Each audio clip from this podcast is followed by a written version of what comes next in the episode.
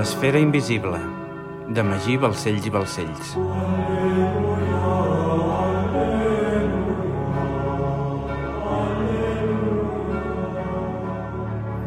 Capítol 11. Ampolla Sagrada. Dissabte, 13 d'octubre de 1302. La Rochelle, Ducat d'Aquitània. Després d'un llarg viatge amb diverses aturades, Guillem i Jacques de Molay arribaven finalment al port de la Rochelle per partir. Feia tres mesos que havien alliberat el gran mestre i que Guillem havia tingut notícies sobre la seva estimada Maria i el seu fill. Des d'aquell moment, Guillem no podia deixar d'imaginar com seria el seu fill. La notícia que eren vius i que estaven bé l'havia reconfortat tant que estava ple de vitalitat. I tot i la greu ferida que havia patit a la cuixa, les ganes d'anar a buscar-los li van donar forces i aquella ferida va sanar en poc temps. En unes setmanes a l'hospital de Nicòsia es va recuperar del tot. Després del setge de Tortosa de Síria, on Huc d'Empúries havia mort i Fredalmau de Rocabertí havia estat capturat, Jacques de Molay estava tan agraït a Guillem per haver-li salvat la vida que el visitava constantment a l'hospital i parlaven durant llargues estones. En una de les seves primeres converses, Guillem li va preguntar per Maria i el seu fill. Gran mestre, el preceptor de la comanda de Dip Carpàs de Xipre em va dir que vau traslladar una dona i un nen fa cosa d'un any. Dip Carpàs? va dir el gran mestre, pensatiu. Sí, és cert, però per què m'ho pregunteu, això? El dia del setge també em vau preguntar si hi havia una dona i un nen empresonats amb mi. El nen és el meu fill i la dona... La dona és la seva mare i la dona de la meva vida, va dir Guillem, amb llàgrimes als ulls. La teva dona? va dir Demalé. On són? No us puc dir on són encara, va sentenciar el gran mestre. Però és el meu fill i no el conec. El seu lloc és amb la seva família i no per aquests mons de Déu. On són? He arriscat la meva vida per salvar-vos, va dir Guillem, amb determinació. Per favor, si teniu una mica de misericòrdia, digueu-me on són. Per què els vau traslladar? No us puc dir on són. Només us puc dir que són en un lloc segur i que estan bé. Si us digués on són, els podríem posar en risc, i també la vostra missió i el futur del temple, explicava Demolé. Ho sabreu quan arribi el moment. No esteu preparat per aguantar una tortura i hi ha molta gent que podria usar aquesta informació en contra nostra. Si no sabeu el parador, mai us el podran arrencar de la vostra boca. Eh, per favor, digueu-m'ho, va dir Guillem, desesperat. Us juro pel meu honor que quan sigueu en un lloc segur, en un lloc on no existeixi cap perill, sabreu el parador. No patiu, els trobareu, va dir Demolé, mirant-lo als ulls i agafant-li la mà. Recordeu el dia que em vau alliberar? Us vaig dir que éreu l'escollit. Eh, sí, us vaig preguntar què significava això, però just en aquell moment van començar a caure fletxes i va dir Guillem. Jo ja us havia vist abans d'aquell dia a Tortosa de Síria. Des de que vaig ser escollit gran mestre, moltes nits tenia un somni recurrent, on em veia mi de vell, sortint d'una presó gràcies a un home amb un ull de cada color que em donava aigua i em salvava, li explicava Jacques de Molay. Les idees poderoses tenen vida pròpia i busquen materialitzar-se a tota costa. Es presenten en les ments de la gent idònia en forma de somni i busquen les circumstàncies adequades per esdevenir reals en el món físic. Res passa perquè sí. Jo no he estat tants anys somiant amb vos per casualitat. Hi havia un motiu al darrere, una idea, un pensament que lluitava amb força per esdevenir real. El somni tenia l'objectiu que quan jo us veiés us reconegués a l'instant i sabés a la perfecció que vos sou l'home escollit per dur a cap aquesta idea que lluita per esdevenir real. No entenc què voleu dir, va dir Guillem, pensant que aquell home no estava en els seus cabals. Teniu una missió en aquesta vida, va dir el gran mestre. Una missió? Jo només vull trobar la meva família, va dir Guillem. Raó de més, perquè la vostra família es troba al mateix destí de la vostra missió. Res passa per casualitat. Tothom té un paper en aquesta vida que li ve determinat des del naixement. I en el vostre cas, esteu destinat a realitzar una missió que haureu de fer sí o sí. Cap home se sentiria més motivat a realitzar-la que aquell que retrobarà la seva família en fer-ho. Eh, per què us vau interessar la meva dona i el meu fill? Per què els vau anar a buscar? li va preguntar Guillem. Ramon Llull em va venir a trobar fa un any i em va fer una important oferta perquè traslladés a la dona i el nen. Jo no tenia ni idea de qui eren aquelles persones i si no les traslladava, Llull hagués revelat un dels grans secrets del temple, així que no vaig tenir més remei. Com? Ramon Llull? Eh, no té sentit. Només l'he vist en una ocasió, va dir Guillem sense entendre res. No sé quin interès tenia Ramon Llull, però sens dubte formava part del vostre destí. Sense ell, sense el trasllat d'aquella dona i aquell nen, mai m'hauríeu salvat, ni estaríeu disposat a creuar el món a la recerca de la vostra família. Les idees lluiten per materialitzar-se. M'han usat a mi, a vos, a la vostra família i a Ramon Llull, perquè vos estigueu disposat a fer el següent pas. Aquell dia, després de parlar durant hores amb el gran mestre, van segellar un pacte i Guillem es va convertir ni més ni menys que en el seu majordom. A Guillem li costava creure tot el que el gran mestre li havia explicat de les idees, però li era igual, ja que Jacques de Molay el conduiria fins a la seva família. Dos mesos després del setge de Tortosa de Síria, quan Guillem ja estava recuperat i preparat per abandonar l'hospital, el gran mestre va rebre una carta del papa, convidant-lo a anar a Roma per reunir-se amb ell. Després de la missiva pontifícia, Jacques de Molay va estar uns dies absent i molt preocupat. Tancat al seu despatx, reflexionava durant hores i hores i no sabia què fer al respecte. Desesperat, va explicar-li un dia a Guillem i la ingènua resposta del noble Sagarreta es va convertir en la solució. Novament, Jacques de Molay va pensar que convertir a Guillem en majordom havia estat una sàvia decisió. L'endemà, el gran mestre va ordenar que tots els efectius del temple abandonessin l'Orient Pròxim, ja que la missió allà havia conclòs. Així, Després de 200 anys, els templers van abandonar definitivament l'Orient. L'excusa que els havia permès créixer com a germandat havia deixat d'existir. Els efectius templers es van repartir de forma equitativa entre les 13 províncies templeres, a excepció d'un petit contingent que acompanyaria el gran mestre a Roma i a París. Jacques de Molay va suplicar a Guillem que abans d'anar a la cerca de la seva família l'acompanyés a veure el papa i el rei francès i li va explicar que després d'això el portaria a la Rochelle per embarcar-lo i complir amb una missió sagrada del temple que el conduiria al lloc on es trobava la seva família. Així que, sense més demora, quan el vent va ser favorable, Guillem i el gran mestre van embarcar en una petita caravela, acompanyats dels millors 30 cavallers del temple, en direcció a la Santa Seu. Després de 10 dies navegant, van arribar al port d'Òstia i d'allà es van dirigir a Roma. A Guillem, que no havia estat mai a la ciutat dels Set Turons, el va sorprendre que la ciutat més important d'Occident no fos més que una inabastable muntanya de runa i de xalles. Li impactava la deixadesa de la ciutat i li costava d'entendre que allò pogués ser la capital d'Occident. No va ser fins que va veure la magnificència del Palau del Laterà que va entendre la magnitud del poder de la Santa Seu. Un cop allà, després de discórrer atònit pels passadissos, el gran mestre i Bonifaci VIII es van tancar soles en una estança del palau i allà van estar reunits durant quasi quatre hores. Guillem, assegut en una cadira de fusta davant la porta, pensava en la seva família mentre tocava la creu de les vuit benaurances que tots els templers portaven sempre penjant del coll. Imaginava la seva dona, el seu fill i també la seva filla. Què devien estar fent? Desconeixia absolutament el parador de Maria i Guillem, però preferia imaginar-los en algun lloc on preservessin la salut i poguessin menjar cada dia. Per contra, sí que sabia el parador de la seva filla Beatriu, el castell de Caral. De sobte, va sentir pena per la seva filla, que seguia al costat de la vella Margelina d'Anglesola. Guillem sempre havia sabut de l'arrogància de la seva mare, però en els últims dies la desconfiança envers Margelina havia crescut. Recordava que Ramon Llull li havia dit que coneixia Margelina des de feia molt temps i Guillem intuïa que l'interès de Llull amb Maria i el seu fill podia venir motivat per Margelina. De sobte es va obrir la porta i va sortir el gran mestre. Guillem va veure-se sentedat dins l'habitació, però ràpidament es va atacar la porta i en va perdre la imatge. El gran mestre, amb cara descol·locada i mostrant gran preocupació, li va dir que havien de partir immediatament, que no podien perdre ni un sol minut. Així que es van dirigir a Òstia, i un cop la caravela va tornar a estar plena de provisions, es van endinsar altra volta sobre la mar. Del port d'Òstia van emprendre un viatge de tres dies per mar fins a Marsella, un cop allà, els esperava un luxós carruatge i una trentena de cavalls preparats per creuar França sencera.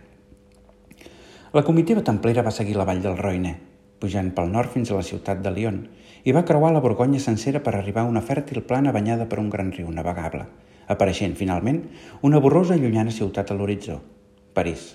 Sobre la plana sobresortien nombroses torres i campanars, però per sobre la resta, i amb diferència, la gegantina catedral de Notre-Dame i la immensa fortificació del Palau del Louvre.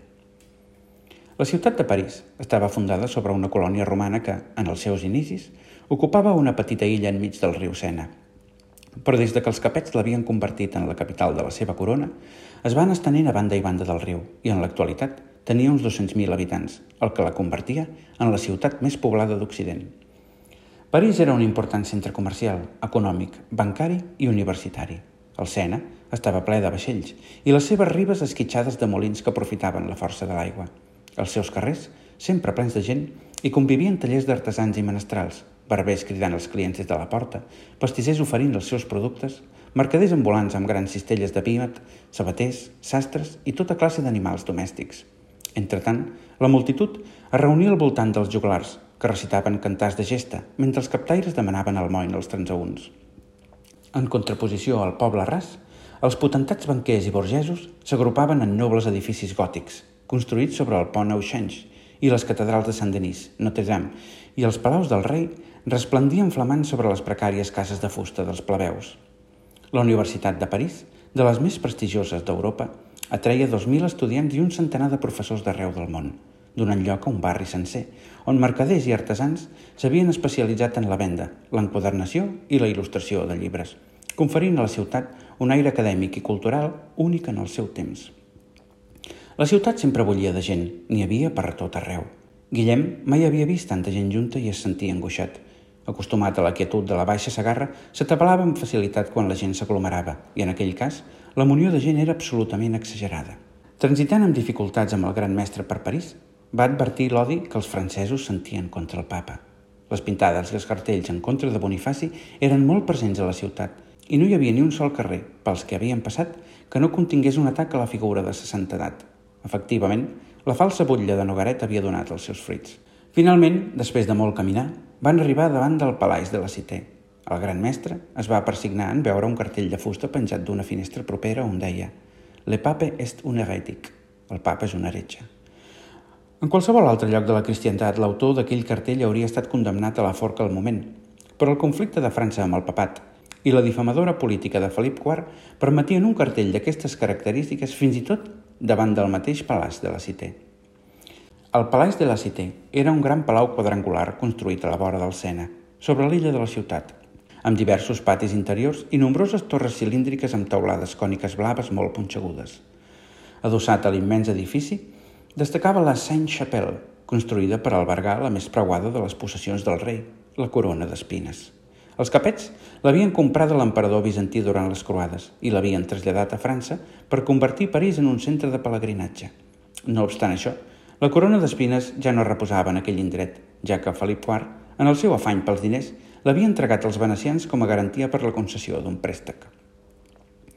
Quan van ser davant la porta, el gran mestre va ensenyar el seu segell i un oficial els va fer entrar. El gran mestre i Guillem seguien l'oficial per les estances de Palau, contemplant bocabadats una ostentació desmesurada d'opulència i poder que envaïa cada racó d'aquell lloc. Pintures, estàtues, escuts, relicaris d'or, retaules, armadures, sceptres reials, corones, immenses piles baptismal de marbre vermell, peces d'orfebreria, tapissos, estandards de seda, mobles sumptuosos. De sobte, el gran mestre es va parar davant d'una pintura. Va mirar Guillem i li va dir «El baptisme de Clodoveu». Guillem va mirar Jacques de Molay, donant-li a entendre que no sabia què representava aquella pintura. El gran mestre, advertint la ignorància de Guillem, va proseguir.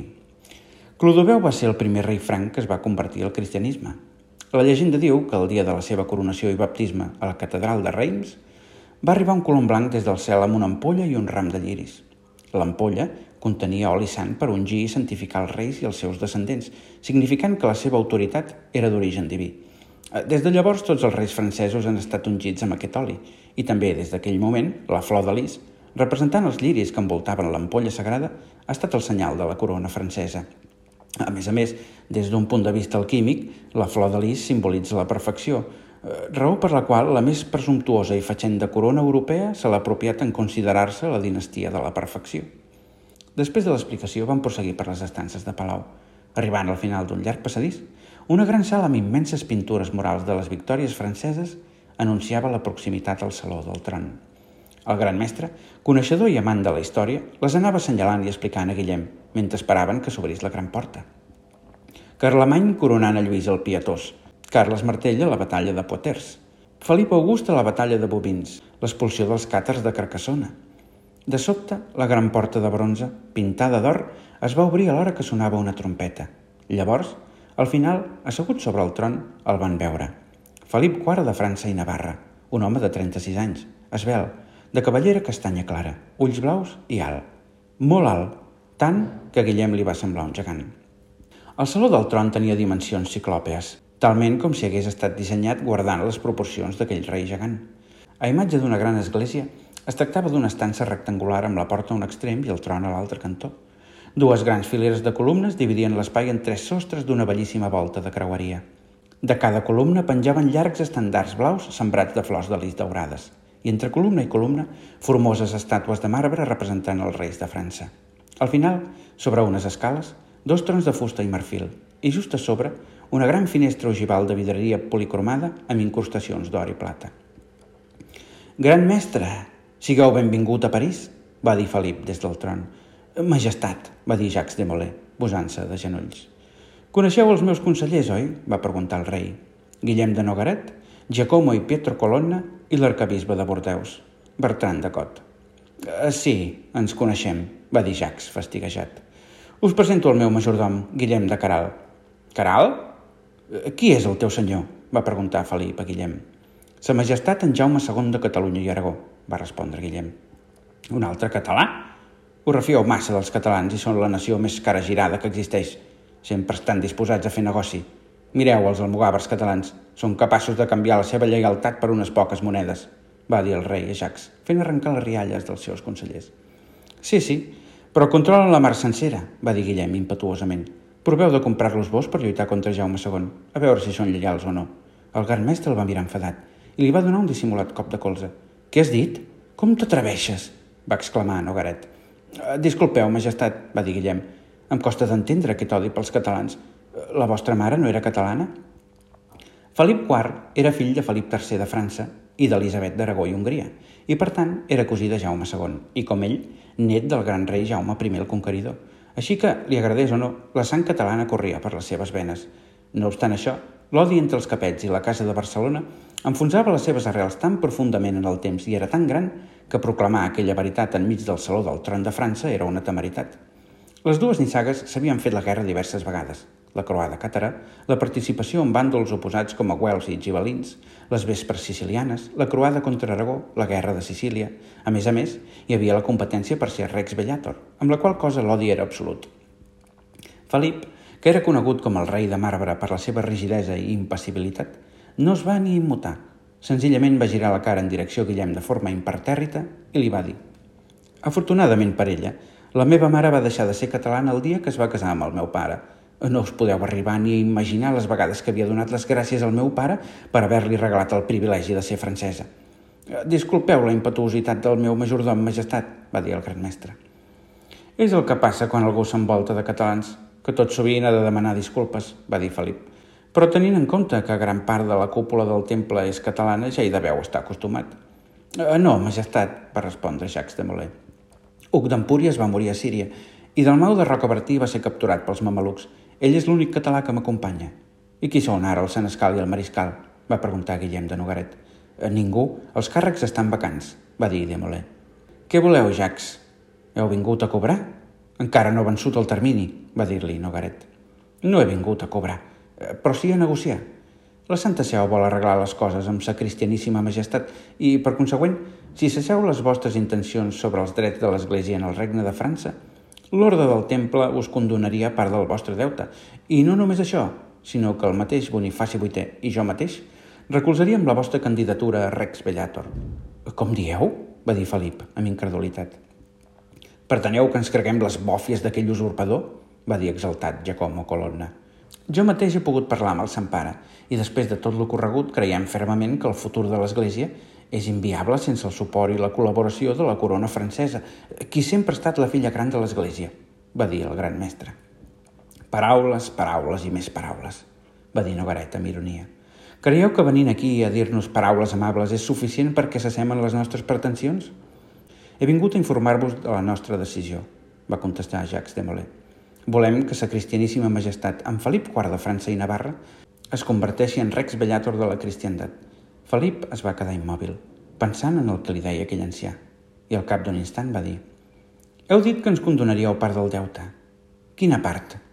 «Dependrà de la intenció que poseu en deixar d'atacar els drets de l'Església a França», va respondre Jacques. «Un altre cop paraules.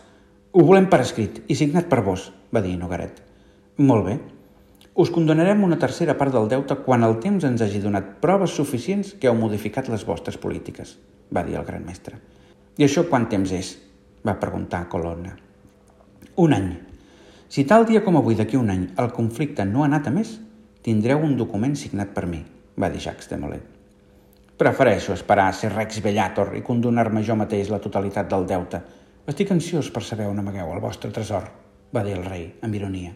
Majestat, el Rex Bellator heretarà els exèrcits, però el tresor del temple, els privilegis i tots els drets de l'orde passaran directament a mans de la Santa Seu. Va mentir el gran mestre, conscient que mai permetria que passés ni una cosa ni altra. Ho sé, ho sé. Estava fent broma, va dir el rei. Molt bé, us donarem un vot de confiança. Molt bé, va dir el gran mestre. Una cosa més, va dir Felip. Si m'assabento que m'heu enganyat, o que tot això no és més que una estratagema del papa, us juro pel meu llinatge que acabaré amb vos i amb el papa. Eh, majestat, entenc la vostra desconfiança, però per fortuna aquesta hipòtesi està tan lluny de la realitat que ni tan sols pot ser anomenada hipòtesi, va respondre Jacques de Molay. El rei es va alçar del tron i es va acostar a Jacques de Molay. Va allargar la mà i li va dir Sempre és reconfortant veure com el gran mestre i un català s'agenollen i em besen la mà en senyal de lleialtat. El gran mestre va acostar la cara a l'anell del rei i el va besar. Guillem es van passar l'orgull i va fer el mateix. Teniu la paraula del rei de França. Serem amics del papa una altra vegada, va dir Felip. Guillem de Nogaret, Bertran de Got i Giacomo i Pietro Colonna no es podien creure el que sentien. La Santa Seu havia canviat la seva política per complet i ara aquells quatre homes que tenien set de venjança contra Bonifaci VIII ja no tenien cap excusa per dur-la a la pràctica. El gran mestre Guillem, després d'aquella reunió amb el rei, es van dirigir a la gran comanda de París per veure una mica de cervesa i menjar. Calia distreure la ment després d'aguantar aquell home insuportable i prepotent.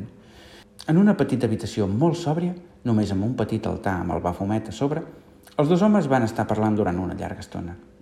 Guillem, ansiós per marxar, va preguntar «Quan marxarem, gran mestre?» «Demà al matí, a Trenc d'Alba. Tenim set dies de marxa fins a la Rochelle quan sigueu allà embarcareu i us juro que en uns dies veureu la vostra família. Em vau salvar la vida i sou l'escollit. A més a més, heu demostrat que es pot confiar en vos. Ramon Llull sabia el parador de la vostra família i em consta que del Mau de Rocabertí també, però tot i així mai us van dir res. Crec que ho van fer amb la clara intenció de manipular-vos perquè tinguéssiu prou força per convertir-vos en ambaixador davant de Tortosa de Síria. Eh, al cap i a la fi, és igual quines fossin les seves intencions. Actuaven sota l'influx diví per col·locar-vos al lloc que el destí us reserva. Us ajudaré a trobar la vostra família, però vos m'haureu de jurar que m'ajudareu a mi i complireu amb la missió. Faré el que pugui, gran mestre. Sou l'home perfecte per dur-la cap. Confio en vos i en la vostra diligència. És important, molt important. El futur de l'ordre en depèn. Haureu de transportar un objecte de valor incalculable. El nostre ordre té els dies comptats si el papa o Felip IV troben aquest objecte. Però, tranquil, un home de la meva confiança us esperarà quan arribeu a destí i us ho explicarà tot. Es fa dir al Suprem. Confieu en ell per sobre de tot. Ell us explicarà els secrets, us instruirà per complir amb la missió i us conduirà fins a la vostra família. Eh, espero estar a l'altura. Us puc demanar un últim favor, gran mestre? va dir Guillem. M'agradaria que féssiu arribar aquesta carta a un home de la meva confiança. La carta és per la meva filla Beatriu, però segurament l'haureu de fer arribar a Salvador Palau, al Galo, un moliner de Santa Coloma, de la meva vila natal. Així ho faré, Guillem, va respondre Jacques de Molay, agafant la carta. Uns instants després, el gran mestre es va alçar en actitud ceremonial. Va agafar un esplèndid collar i tot col·locant-lo a Guillem li va dir Guillem de Caral i Anglesola, us nomeno custodi del tresor del temple.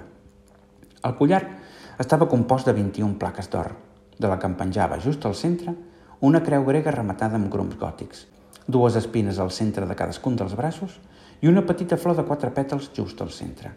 Seguidament, li va fer entrega d'una espasa de doble fulla amb una guarnida empunyadura de ferro i una veina amb rombes i motius florals i vegetals. Esculpida al mànec de l'espasa, semblava que l'envoltés una fina corda d'on floria una línia de flors de quatre pètals idèntiques a les de la creu. A l'empenyadura en creuera hi havia esculpides unes formes vegetals i al pom, al capdamunt de l'empunyadura, hi havia un cercle on es podia observar un sol radiant amb boca, nas i dos grans ulls. Finalment, li va fer entrega d'un anell d'or en forma de segell.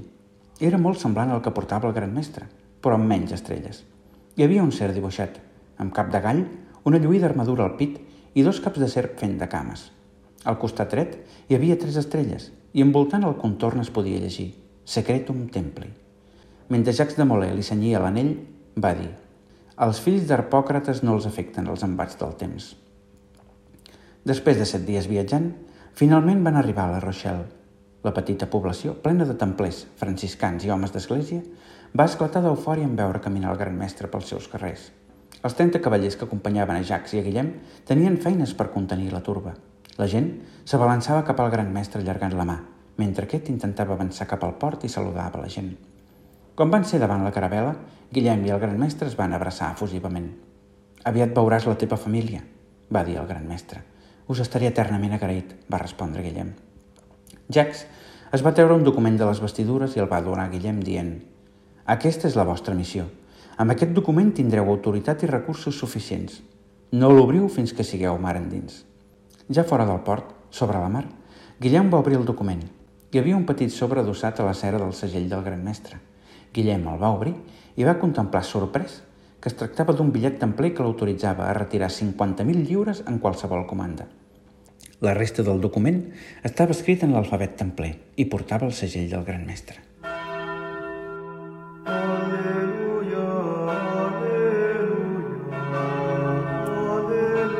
L'esfera invisible, de Magí Balcells i Balcells. Aleluia, aleluia.